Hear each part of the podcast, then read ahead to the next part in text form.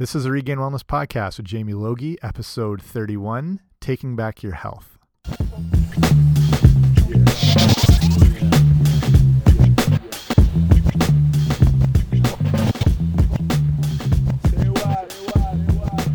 What is up, guys? Welcome back to the podcast. I'm Jamie. Thank you for joining me today. I appreciate you taking the time to listen.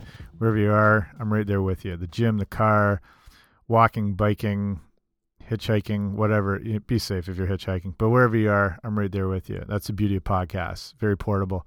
So today I'm going to be talking about some information I share in my new book, which is finally up called Taking Back Your Health.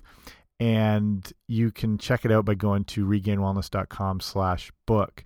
And you can see it right there. There's some different packages available. But I'm going to share some of the best information I find from the book from the different chapters I cover.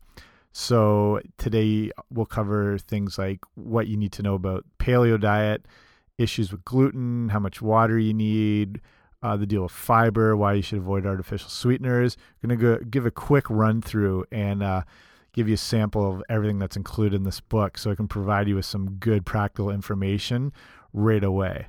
So we'll start right into it. The way I've broken it down, I'm talking about paleo first, and I've covered it more in another show, but I'm going to give you some bite sized tips here. So, paleo is also known as the ancestral diet, and it's essentially eating a diet that our ancestors ate from around you know two and a half million years ago to roughly ten to twelve thousand years ago, before the agriculture age began, and it essentially means eating meats, um, nuts and seeds, vegetables, fruits, stuff like that. So it essentially contains no grains, no rice, no dairy. And the question is this is this a beneficial diet? Is this something you should be doing? Well, the issue is not a lot of people are really doing paleo properly. The a lot of the foods we have today have changed so much over the millennia that they're genetically completely different than things that used to exist. Even one of the staples of paleo is beef. It's centered around a lot of protein, but the the cow as we know it is a relatively recent animal. A lot of the animals that would have been based or paleo diets would have been based around were wildebeest or things like gnus or the original form of the cow which was known as known as the auroch which was quite different. It was a leaner animal, it was more athletic looking, it was had more of like a bull-like head, so a completely different form of of beef. And so the issue is that not a lot of people are really eating this real paleo, they're eating kind of a modern paleo. And the other thing is that we don't have um or sorry, paleolithic ancestors didn't have access to all the foods we have today. So at this moment I could be eating a combination of things like pineapple or avocado or blueberries, um, sweet potatoes, things that are, are, from all over the place, but now I can get them in one shop and I can get them all year round. So the beneficial thing with the paleo diet is that it's worth following in the sense it's more about what the diet does not contain because it avoids modern foods. It doesn't have high fructose corn syrup. It doesn't have artificial sweeteners or aspartame, um, trans fat, stuff like that. It doesn't have hormone filled dairy or genetically modified wheat. So the benefits of it, of following that way, are great because it's a whole foods based diet. But the fact that people think they're following real paleo is not entirely true just because of all those variations that have happened over the years and over the time to kind of transform this diet. But the very core of this diet, eating real whole foods, is very beneficial. The next thing we're covering, just to get you up to speed with nutrition issues, is the issue of gluten, which is a huge topic. Again, another thing I've covered in a whole episode. But to give you some good takeaways here, a question always comes up why, if bread has been around since kind of the beginning of mankind and it's in the Bible and it's a staple of the diet, why is it now causing all these problems? Well, the issue is gluten as we know it and wheat specifically as we know it, which is the main way we get gluten. It's also in rye and in barley and a few other things, but primarily we get a lot from wheat. And wheat has changed quite a bit from, say, from the Bible era or how it originally started as a simple plant called einkorn, which was left over from the last ice age. So when the when the, the glaciers retreat, they kind of pull up and drag the earth away, and they left various forms of vegetation and plants. And one of those things was called einkorn, which was a simple chromosome plant.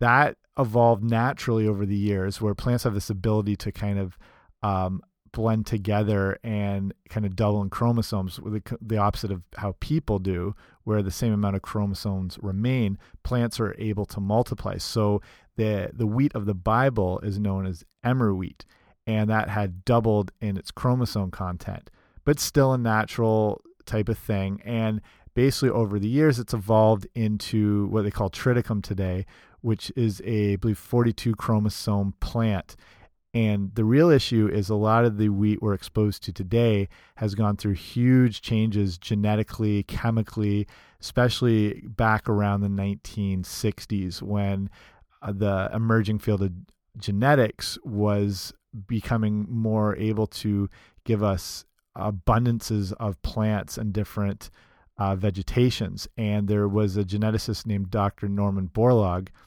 and he was able to basically create a new form of wheat, which is called the semi dwarf variant. And it's quite different. If you look at old, old pictures, we always have this idea of wheats, of these amber waves of grain as being tall and flowing. Wheat today is actually quite small. This semi dwarf variant is a two, two and a half foot high, smaller plant that's a little thicker, that's had to be engineered to have a, a thicker stalk to hold up the larger head on it. And through the whole process of this um, genetic alteration, they used a lot of uh, plant mutations and chemical procedures that really altered the plant. So it severely increased its gluten content, um, its gliadin content, which is a compound people are learning a lot more about, which show it's been shown to have some addictive properties. Um, it, it, can activate the opiate receptors on the brain and work similar to a drug making you crave wheat so when you're when you're eating wheat you're getting this uh, every 90 to 120 minute perpetual hunger cycle because you're never necessarily satisfied because of this slight drug like reaction which can happen on the brain. As along with that with a lot of the wheats and any refined flours, they essentially act like sugar in the body because it's a fast acting, fast digesting carbohydrate, which spikes blood sugar, which goes up, goes crashes down, you crave it again, and it's just basically that cycle that repeats. So that's the issue with with modern wheat and especially gluten. So these gluten concentrations are a lot higher than earlier early other forms of wheat. If you're gonna eat forms of bread, you're better off with things like sourdough, uh, maybe something like like pumpernickel, if you can get it from a place where it is, you know, it's ground and it's made by hand, it's a lot different than the breads that sit on a shelf and come packaged and advertised and everything like that. You can be pretty confident that type of wheat and gluten is um, going to be from really substandard sources, more likely than not, a genetically modified version of the plant and from these kind of modern created semi dwarf variant strains of wheat, which bear no resemblance to their actual ancestors. We're next going to cover the importance of water. And water is obviously critical. Two thirds of our body is made of water. We are water. And the one of the big reasons you need water is it helps maintain a balance of body fluids. So those fluids are involved in digestion, absorption, circulation, transport of nutrients through the body. It helps balance your body temperature. It's essentially like think of like motor oil in a car. Without adequate water intake, your body is not going to run optimally. Here's a few other things water is absolutely crucial for. Uh, it's water helps to control hunger and reduce overeating, and a lot of people the sometimes hunger feelings are actually mistaken dehydration feelings. So you're always best to get a glass or two of water to make sure you're not mistaking those signals. Water helps flush out toxins in the body, which is very key. Our blood urea and nitrogen is the main toxic substance in the body, and the kidneys do an amazing job of cleansing and ridding the body of toxins like that as long as you have an adequate fluid intake. So the best way to indicate adequate fluid intake, fluid intake is your urine color, concentration, and odor. So you want it to be lighter, like straw-like color, um, virtually odor free. If it's darker, if it's more concentrated, if it has more of an odor, it's a good sign you're dehydrated. Water, actually, lack of water affects brain function as well. Um, when there is a lack of water the brain, it can cause problems with obviously focus, memory, brain fatigue, headaches, sleep issues, even depression. So, constant hydration is very key. On a more of a fitness related thing, water improves athletic performance again, like I said, two thirds of the of your body is made of water. Two thirds of that is in the muscles. So water helps energize muscles. So if you're active, if you're playing sports, if you're trying to get fitter, water is very very crucial. So how much water do we need a day? Well, a good benchmark is taking dividing your body weight in half and then converting that into ounces. And that's how many you want to shoot for a day. There's always been this idea of the six to eight glasses, which has never necessarily been proven. But if you start with four to five large glasses a day, it's going to be a very uh, good starting point. So, especially starting the day with a large glass of water, maybe squeeze half a lemon in there for a little more cleansing, a little more detoxifying.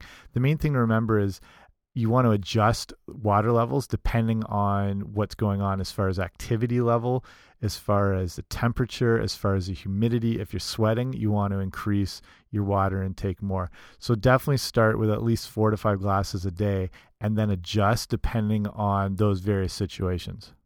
So we're moving on now, and I cover a whole chapter on fiber, which was once considered roughage, but it's now being seen as more beneficial than just keeping you regular and healthy. It's basically fiber is a part of food that cannot be digested or broken down by the body and passes through the intestines. So there's two types you want to look at, soluble and insoluble. And soluble will be of more importance here because it thickens soluble fiber thickens and dissolves in water and it's key in things like lowering cholesterol and it's made up of pectins and gums that secrete that gel like consistency. And so that binds to toxins and bile acids and cholesterols in, in the small intestine and helps eliminate from the body. Like if you've ever used something like chia seeds, if you get them wet, it has that sort of gel like to it. It starts to secrete that gel. That gel is very crucial in helping to detoxify and cleanse the body. Insoluble fiber is obviously a type of fiber that does not dissolve but absorbs water as it passes through the body, which adds bulk to the stool, and then it can. That's what helps speeds up um, regularity and things like that. It's insoluble fiber has been seen to reduce the risk of colon cancer as it moves toxins and cancer causing compounds through the digestive tract more quickly. Um, either way, the way you want to look at fiber is that it has those benefits that I said that aren't just about regularity, as in that they can help to combat diabetes, uh, especially soluble fiber. People who consume fiber had a 27% lower risk of developing type 2 diabetes. It's important in heart health. So, those who eat a high fiber diet have been shown to have a 40% lower risk of heart disease. And there's a big study done. I'll link in the show notes here, regainedwellness.com slash 031 so the study had over 43,000 people aged 40 to 75 with no incidence of cardiovascular disease. In a six year follow up, they found that a 10 gram increase in total dietary fiber was strongly associated with a reduced risk of total myocardial infarction. It's also important in reducing risk of stroke. It can improve skin health. It's key fiber is a key in weight loss and weight management because it can help you keep you feeling fuller for longer. So, what are some of your best sources of the fiber? Um, starting with soluble fiber. So, your best sources are going to be oats, barley, dried beans, sweet potato, broccoli, cacao nibs, asparagus. You've got some fruits like apples, pears, citrus fruits, berries, bananas, and some of the big ones, very, very good sources are psyllium flax seeds ground, and chia seeds, like I mentioned before. Good sources of insoluble fiber. The classics like wheat bran, but it is found in fruits, vegetables, some grains, nuts, things like beans as well. So fiber very important to have in the diet, specifically soluble fiber and from that list I just mentioned, they're very, very good sources of soluble fiber. I've got a chapter on artificial sweeteners, aspartame, sucralose, things like that, and why you want to avoid them. I'll give you a rundown right now. Problem with an artificial sweetener is how it works in the body is that it acts as what they call an excitotoxin in the brain. And this can actually cause potential nerve damage. And the nerve damage can be associated with a bit of that buzz that you feel when you consume a diet soda. The problem is long term exposure to things like excitotoxins can have addictive properties. And if you know anyone who drinks a lot of like Diet Coke or whatever, they are kind of self confessed Diet Coke addicts. And this is no fluke. This is a real chemical reaction that's happening. And the, the many long term illnesses that can be associated with this long term exposure are things like multiple sclerosis or ALS, brain lesions, Parkinson's disease, dementia. But in the case of aspartame, it's made up of some very bad ingredients, specifically methanol and aspartic acid. And in the case of methanol in the body, it is oxidated into formaldehyde. So, formaldehyde, the embalming type fluid, which is a real known carcinogen. It's linked to retinal damage, birth defects, um, some pretty, pretty bad stuff in the case of say something like sucralose, if you don't have aspartame but you lose you use sucralose, it, they say it's derived from real sugar, but some argue that it's not made from real sucrose like table sugar, but a similar type mole molecule that's kind of a trade secret. In either case, that molecule is chlorinated to change the physical structure of the sugar by substituting in three chlorine atoms. And I don't know about you, but when I hear something's got chlorine substituted into it, I don't know if it's something I want to ingest. And the studies around sucralose show some poisonous effects on the kidneys and in the liver. And so for me, it's kind of like, you know, aspartame, sucralose, you're kind of trading one problem in for another. And that's just the issue with artificial sweeteners. And in fact, there's a center called the Center for Science and the Public Interest that has ratings on certain things as far as they concern your health and what you want to avoid. Sucralose, that was once considered safe, has now been uh, lowered to caution. And on a side note, aspartame has been given an avoid rating. So the other issue with artificial sweeteners tends to come from the weight loss issue. That's why people turn to diet products, diet drinks. They want to avoid fuller calories, they want to lose weight. Problem is when you consume an artificial sweetener, your body is consuming sweetness but without any calories.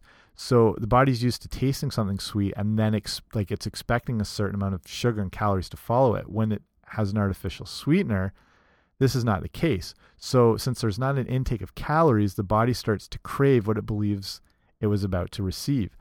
So this can be cravings, you know, for the next diet drink, or obviously well known in the case of MSG, in you know bad Chinese food, you you crave a little more after an hour. That old joke, but you also start getting the development of real carbohydrate and real sugar cravings. So if that's not rejected, it can set you really back in your weight loss pursuit. So you have this constant up and down. And the other issue is that that your body does believe it is going to receive a sugar because of the sweetness that your body can actually peak its blood sugar levels without actually any sugar. And there was some research done by the Washington School of Medicine. They found that artificial sweeteners can peak those blood sugar levels as insulin levels rose 20% in subjects drinking sucralose compared to water. So remember, this has no calories, no sugar, but it's still creating this reaction in the body. So I would avoid these things or at least minimally have them and go for obviously things like water or sparkling mineral waters. Add in some lemon and some lime to give it a bit of that citrus zest and a little bit of that nicer flavor. There's also some promise in things like stevia as a uh, sugar substitute or a substitute for an artificial sweetener. It, it's showing some more promise. Um, not everyone's crazy about the tastes of them, but if you're going to use something like stevia, you want to have you want to find the most natural form of it, which tends to be a, a more of a greener powder as opposed to some of the white um, uh, stevia supplements you see out there. The natural form of this is more of this green color. So you can buy these in raw form from bulk food stores or you know you can order them on Amazon, but it is showing some promise like I said as a substitute. Next area we're going to cover is how can you feel more full without overeating. So the one takeaway I want to give you here, and the chapter I cover on this goes way more into depth, but what I want you to take away is to slow down when you eat. Eating too fast, not chewing properly, it overwhelms our digestive system. It doesn't allow for natural, what we call sati satiation, which is the feeling of being full. When you eat too fast, you take in too many calories before you realize you've eaten enough. Your brain receives a signal that it has had sufficient food um, there's kind of a connection between your stomach and your brain. You have leptin, which sends these signals. You have stretch receptors on the stomach that can signal the brain that it's full, but they can take anywhere from 15 to 20 minutes to kick in. When you devour a meal in three to five minutes, you override this signal. You've consumed a lot. You haven't let the the fullness signals kick in and you can keep going, especially when you eat junk food and stuff like that. They just do not let you feel full. There's studies from the North American Association for the Study of Obesity, and they showed that overweight men and women took in fewer calories when they slowed their normal eating pace.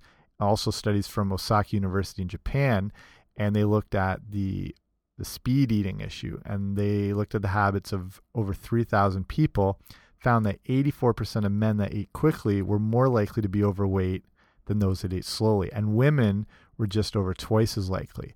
So you want to slow down when you eat. If you have to set up a timer, do it and keep an eye on that clock. You don't want to finish till it's around that 15 or 20 minute period. When you do that, you're going to start feeling fuller naturally anyway. When you do it this way, you're eating to kind of 80% full, which is the ideal. You don't want to stuff yourself. You want to be left feeling comfortable. So slow down your chewing. Like I said, if you don't if you don't chew your food properly, you put a huge burden on your digestive system that has to kind of work overtime to break down that food that should have happened through the chewing. You want to be most people are taking like they're ripping food off, couple chews down the hatch as it drops into this subterranean lake of melted cheese and Dr. Pepper. But you want to take your time eating, let those natural digestive juices do their thing. So do what you have to do. Set up the clock, slow it down. Um, this is a really important takeaway, and I really encourage you to do that.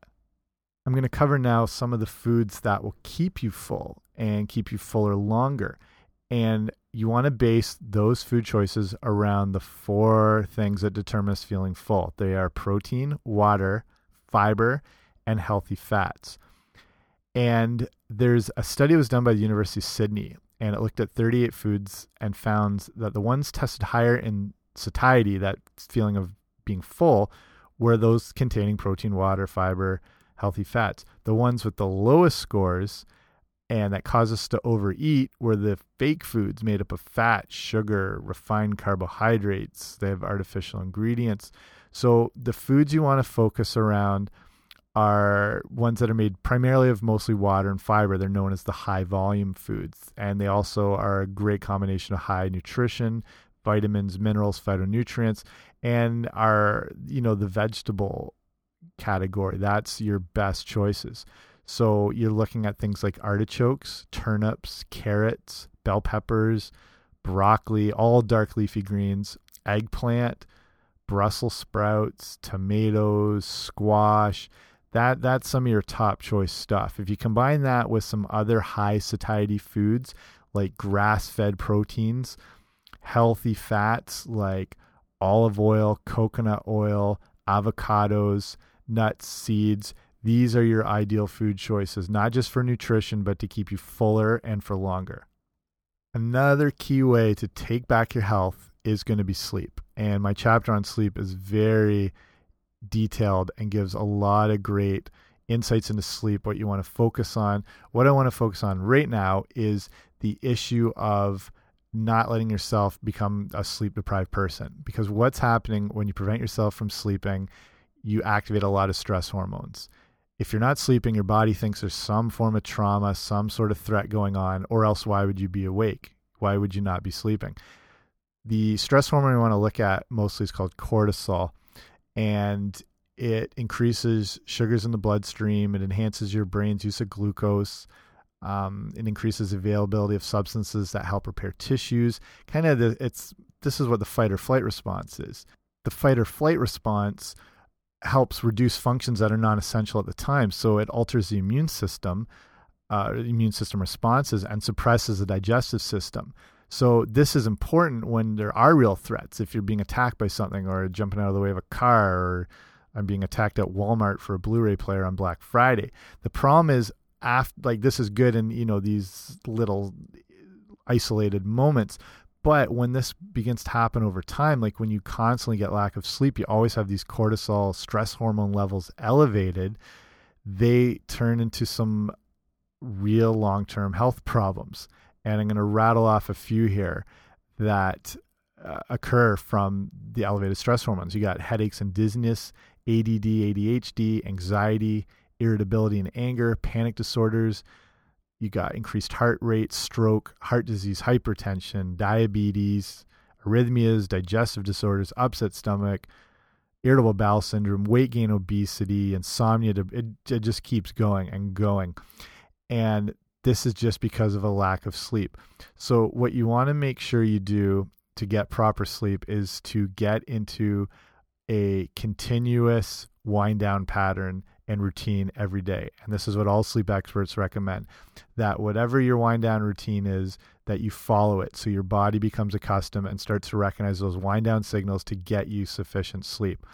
So it means cutting out, you know, sugars, caffeines, alcohols hours before bed, trying to avoid high intensity exercise a few hours before bed. Light exercise, things like yoga can be beneficial. You really want to avoid uh, bright lights or electronics First, with bright lights and the fact that they suppress melatonin levels, which are produced by the brain that are stimulated from darkness. And they help you to get drowsier and to keep you sleeping longer. The, pro the other problem with electronics, tablets, phones, TVs, they emit what they call blue light, and it severely um, disrupts the melatonin levels from working and doing their thing. So, avoiding blue light an hour or two hours before bed will help you sleep longer and more thorough. As far as how much you need to get, there's various you know things that say seven to eight hours, which are a good rule of thumb. the The main thing is your your sleep needs are going to be dictated by what is happening in your life. Same thing like the water issue. You want to adjust it depending on what's going on. With sleep, if you are run down, if you're stressed, if you are sick, you're going to need more of it. So don't be afraid to get it. If you you know work a relatively low key job that's not very physical, if you're not stressed, if you're eating healthy, you're going to be able to probably get away with you know 7 hours, 6 hours, but if you're shooting more for the 7 to 8 is the absolute ideal. And like I said, when you're going through whatever issues, if you're more active, if you're more stressed, sick, don't be afraid to get more sleep. That's probably the best advice I can give you. Don't be afraid to sleep. Unless it's Nightmare on Elm Street and the whole Freddy Krueger issue. But we'll leave that for right now. The last and to me most important issue I have that I cover in this book and that I want to pass on today is the idea of eliminating or drastically reducing sugar intake. And Sugar intake has been one of the plagues of the modern era. The issues it causes from obviously obesity, but heart disease, diabetes, eh, the effects of it are getting worse all the time. The longer it becomes unmanaged and not addressed, the more damage it's going to do. If you look back in the early, say, 1800s, people were consuming what would equal about a 12 ounce can of of a soft drink every five days. Today we're consuming that every seven hours. And if you look back at our Paleolithic ancestors, they would be consuming that amount of sugar over the course of a year. And they would be getting it from sources like ripened fruit or honey. We're having that every seven hours. So the the problem with sugar is it leads to spikes in blood sugar and releases of insulin by the pancreas. So, unless there's some physical activity coming up, the sugar needs to be stored somewhere as a backup energy source. That's what fat is. It's a reserve fuel tank. And that's what insulin's job is it's the fat producing and storing hormone. hormone. And this sugar that is consumed ends up being stored as fat and over time leads to obesity and then can lead to those multitudes of issues like like heart disease, the diabetes, everything like that. I mean, we used to call type 2 diabetes was also was always known as adult onset diabetes, but in our modern era it's showing up so much in teens and even preteens that are consuming horrendous amounts of sugar. That's why we're now calling it type 2 diabetes because it affects not just adults but kids. And the one thing as well to take away here if you can cut out of anything would be high fructose corn, corn syrup. We always think of sugar and we associate it with white table sugar, which is usually derived from sugar cane or sugar beets or whatever. Still, still horrible. But high fructose corn syrup takes it to another ridiculous level. So obviously, it comes from from corn. It's an, a, a refined sweet syrup that is extracted and was originally developed as a cheaper alternative to sugar because uh, sugar trade tariffs can vary. A lot of it wasn't even produced in this country. The main thing is high fructose corn syrup is super cheap to produce. Not only that, it gives, it almost acts as a preservative in food, so it, it leads to a longer shelf life, which is perfect for manufacturers because they have less wastage, drops the bottom line, there's less overhead costs. Um, and it was another reason why soft drink sizes in the you know going to the 80s and 90s started getting much much bigger because they were able to use high fructose corn syrup adjust the size of these things like three four times the the size it originally was with almost no change in cost to them. So it appears like you're getting more value. No one's going to object to that.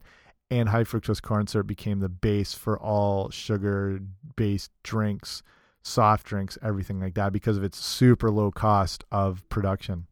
If you find yourself consuming a lot of added sugar or you're eating products that have high fructose corn syrup or you use table sugar, start the transition of eliminating that and say you use sugar in your tea or whatever, maybe use a little bit of honey.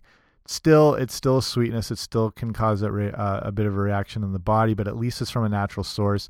It does have some minerals, some vitamins, things like that. If you can start substituting, like I said uh, earlier before, uh, talking about stevia as a way to get the sweetness, you know, maybe go with things like cinnamon, whatever, just to avoid that refined refined sugar. Specifically get rid try to eliminate the high fructose corn syrup. If you you can turn to things when you have a sweet tooth like something like dark chocolate which actually is low on the glycemic index. It doesn't cause those high spikes in in blood sugar and specifically you want to have the darker the better. Ideally 70% cacao solids preferably 90% cacao solids. So you get that kind of manage that sweet tooth issue but at the same time you're not uh, affecting your blood sugar levels because dark chocolate is made mostly of fat and it's those medium chain triglycerides so that are beneficial to the body and provide you dark chocolate does with antioxidants polyphenols which are good at fighting free radical damage in the body. So it's kind of a win-win that you're combating that sweet tooth but also providing yourself with some good nutrition. So like i said eliminate or drastically reduce your intake of of refined sugar so that's where I want to leave it for today. I wanted to give you some some of the good insights from my book called Taking Back Your Health. And in the book, I cover these topics more in depth and cover a lot more stuff that will arm you with all the nutrition information you need to make the best nutrition decisions in whatever situation you're in, whether you're at a buffet or you're shopping or grocery stores, you don't know what to buy, you don't know what to start with. When you read this, you'll be up to speed with everything you need to know. So you can, if you want to check that out, it's go to regainedwellness.com slash book. I've got it available in a few different packages. You can buy just the book on its own. It's an ebook. It comes in the different formats that you can use on your Kindle or e-reader. I've got a package where there's the audiobook version so you can hear me go through the whole thing in this recorded in a high quality studio. So it's the whole thing. It can go with you. You can fast forward, rewind, pause, whatever.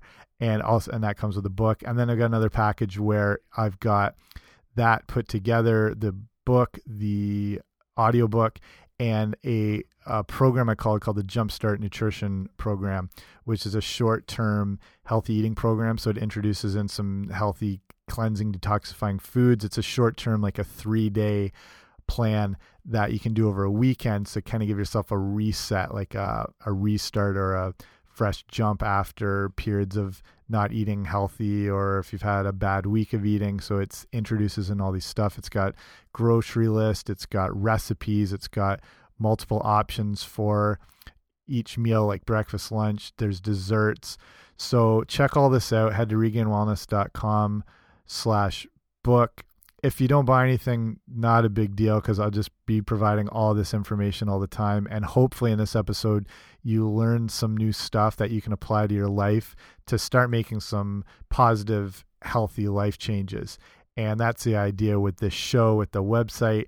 It's allowing you to take back your health. And I want to just provide as much information as I possibly can to help you do that. So thanks for listening today. If you like this show, give me a rating and review on iTunes. Don't forget to subscribe. It just gets the show in front of more people. We can help more people all the time. So the more ears that are listening to this, the better. And yeah, you can check everything else out at regainedwellness.com, not just the book, but other articles, other podcasts, everything's on there.